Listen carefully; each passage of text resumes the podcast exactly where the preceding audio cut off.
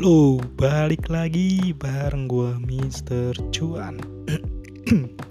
Nah, kali ini gue mau ngomongin yang lagi rame nih Sejak Bank Indonesia menaikkan tingkat suku bunga acuannya. Nah, apa nih yang diomongin? Yaitu adalah suku bunga KPR Nah, buat lu yang eh, KPR-nya udah masuk masa floating Pasti ngerasain kan ketika suku bunga Bank Indonesia naik KPR lu juga jadi naik bunganya. Nah, jadi banyak yang mikir kalau gitu mendingan beli rumah dengan tunai dong ya daripada dengan KPR gitu kan. Nah kalau menurutku gimana gitu kan? Apakah benar mendingan beli rumah buat tunai? Eh beli rumah buat tunai. Beli rumah dengan tunai daripada dengan KPR aku bakal jelasin uh, mungkin dari perspektif gue sebelum itu gue juga mau ngasih uh, kayak gambaran dulu konteksnya gue di sini belum pernah pengalaman pakai KPR atau enggak beli rumah dengan tunai. Jadi di sini pure uh, pandangan gue yang masih sangat subjektif dan opini gue bener-bener yang gue masih juga mau beli rumah misalkan tapi gue belum tahu dengan cara apa tapi gue setelah menganalisis ini gue menemukan gue bakal beli rumah dengan cara ini mungkin.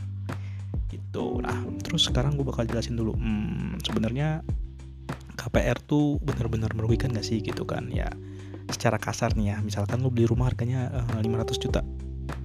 Terus KPR-nya itu misalkan 15 tahun. Ya berarti nanti di 15 tahun tuh total uang yang lu keluarkan mungkin itu sekitar satu setengah miliar.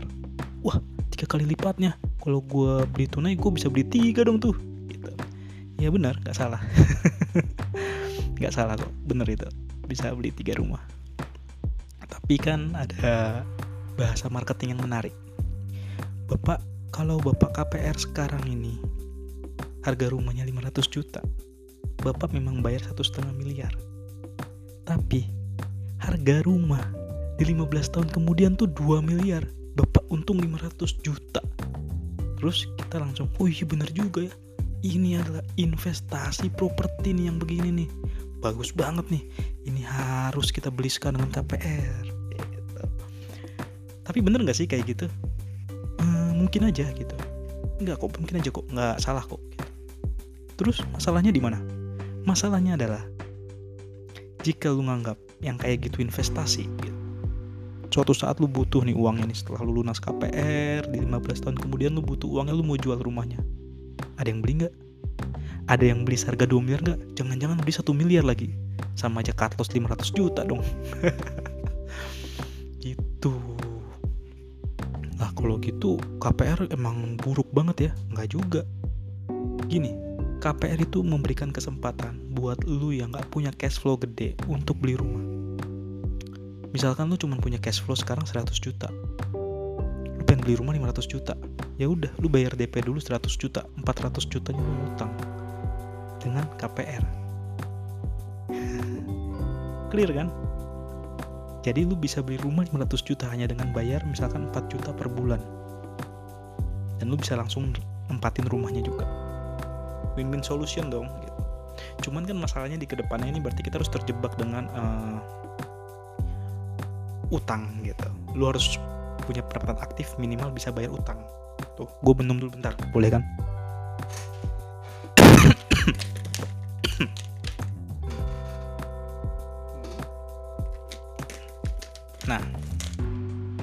Masalahnya itu apakah 15 tahun lagi kita masih bekerja dan bisa mendapatkan penghasilan untuk bayar utang? Kalau enggak gimana? Ntar disita rumahnya. Jadi pusing kan? Itu uh, kelebihan dan kekurangannya KPR.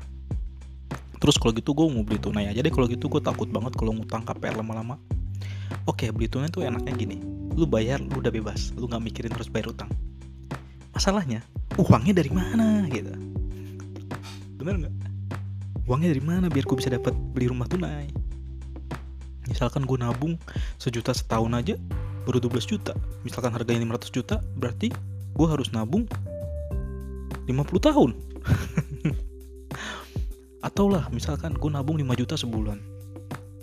Setahun 60 juta. Misalkan mau beli rumah yang 500 juta berarti 500 juta dibagi 60 berarti sekitar 8 tahun gue harus nabung gitu susah juga dong. Berarti gimana dong biar kita bisa beli rumah tanpa KPR nah tadi kan uh, ada skema KPR dan tunai ya. Kalau dari sudut pandang gue gue emang lebih suka tunai juga sih daripada KPR sih ya jelas gitu. Karena gue juga nggak yakin misalkan apakah gue 15 tahun lagi masih kerja nggak nih? Ataupun ntar kalau gue mau bikin bisnis kan ntar gimana cash flow bayar utang KPR nya pusing ntar udah mikirin modal bisnis mikirin utang KPR belum lagi mikir utang bisnis. Wah ribet tapi ada solusi yang ketiga. Solusi yang ketiga tuh naikin aja KPR-nya eh KPR-nya salah salah salah. Bukan bukan. Naikin aja uang mukanya. Lu bayar uang muka sebisa lu terus lu KPR tapi ambil KPR-nya yang fix 5 tahun misalkan. Nah lu lunasin KPR tuh harus lima tahun. Walaupun misalkan tenornya tuh 10 tahun uh, fix 5 tahun 5 tahunnya float 5 tahun sisanya floating. Uh, lu lunasin langsung 5 tahun. Langsung lunasin. Jadi lu nggak masuk ke masa floating. Terus apa bedanya dengan yang KPR sebelumnya? Gini. Jadi konsep di sini lu nabung tetap misalkan gue mau beli rumah yang 500 juta. Oke gue akan nabung sebisa gue selama lima tahun ke depan. Entah dapat berapa gue nggak tahu lah ya akhirnya hmm, setelah terkumpul 300 juta ya udah 300 juta tuh buat DP itu udah lebih dari 50% harga rumah. Sisanya gue KPR KPR yang mungkin ambil tenor misalnya 10 tahun aja. Ambil bunga yang fixnya 5 tahun.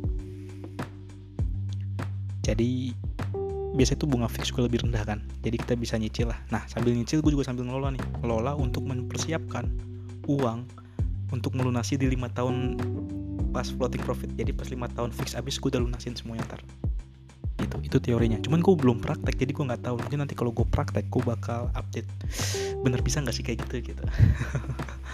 Gitu. Iya paling kan kalau lunasin uh, sebagian tuh bisa paling kena penalti. Nah gue nggak ngerti penaltinya berapa. Tapi itu lebih baik daripada gue harus bayar lima tahun lagi kan?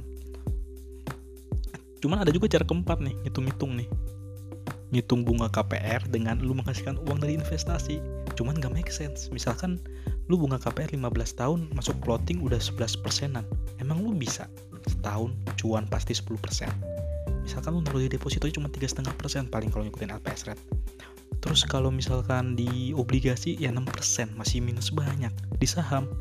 Ya bisa sih arah 25 persen. Cuman yakin lu bisa setahun 20-an 30-an persen. Emang Warren Buffett? Nah itu gitu. Nah jadi kalau gue prefer tadi cara yang ketiga sih gue coba. Ya kalau bisa tunai tunai. Cuman gue lihat lagi gue nggak mau gue tunai misalkan ngabisin uang 100 juta hanya beli rumah terus gue nggak punya cash flow sama sekali gue nggak mau itu juga gitu. Karena cash flow tuh penting banget juga buat kita dalam pengelolaan keuangan kita sendiri gitu kan.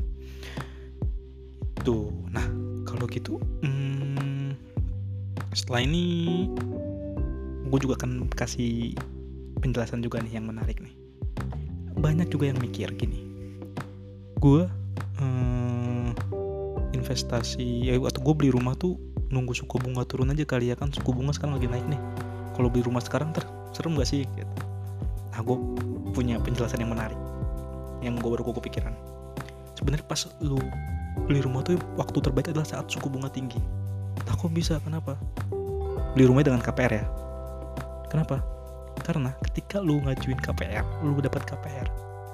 Awalnya tuh lu bakal dapat bunga fix, coy, yang pastinya rendah. Misalkan 5 tahun. Nah, pas lu masuk pas lagi bunga tinggi, misalkan bunga tinggi itu di dua tahun pertama lah, udah enak berarti kan habis itu bunga suku bunga bertahap turun, pas lu floating harga uh, suku bunganya rendah. Terus menariknya nih gue nggak tahu sih gue belum ada datanya cuman gue baru dengar selentingan biasa tuh kalau misalkan suku bunga bank Indonesia lagi tinggi uh, harga rumah tuh kadang-kadang turun untuk menarik peminat biar mengurangi beban di beban bunga gue nggak tahu benar apa enggak ya mungkin kalau yang lu pengalaman ntar lu bisa uh, kontak gue di DM IG atau di di kalau Spotify ada komentar nggak sih? Ya di situlah Nah berarti sekarang tuh yang sebenarnya rumah sekarang. Terserah sih mau sekarang mau pas suku bunga tuh ya nggak apa-apa. Yang penting pas lu ada uang aja sih kalau gue ya. Sebenarnya lagi kayak gitu. Cuman nggak usah ada ketakutan ketika beli di rumah di suku bunga yang tinggi bisa membahayakan kita. Enggak kok gitu. Karena lu pasti dikasih bunga promo jadi santai gitu. Gitu sih. Nah gitu aja sih yang ngomong oh, obrolan gue tentang uh, beli rumah dengan KPR tunai atau hybrid. DP 50% baru bayar sisanya uh, eh, KPR kalau lu lebih suka yang mana? Kalau gue tadi gue bilang gue lebih suka yang ketiga kayaknya karena lebih possible dan lebih realistis. Gitu sih. Oke? okay? Oke sampai di sini dulu aja podcast Mister Cuan gue episode kedua di new season. Nah kita tunggu di episode ketiganya gue bahas apa ya nantikan aja.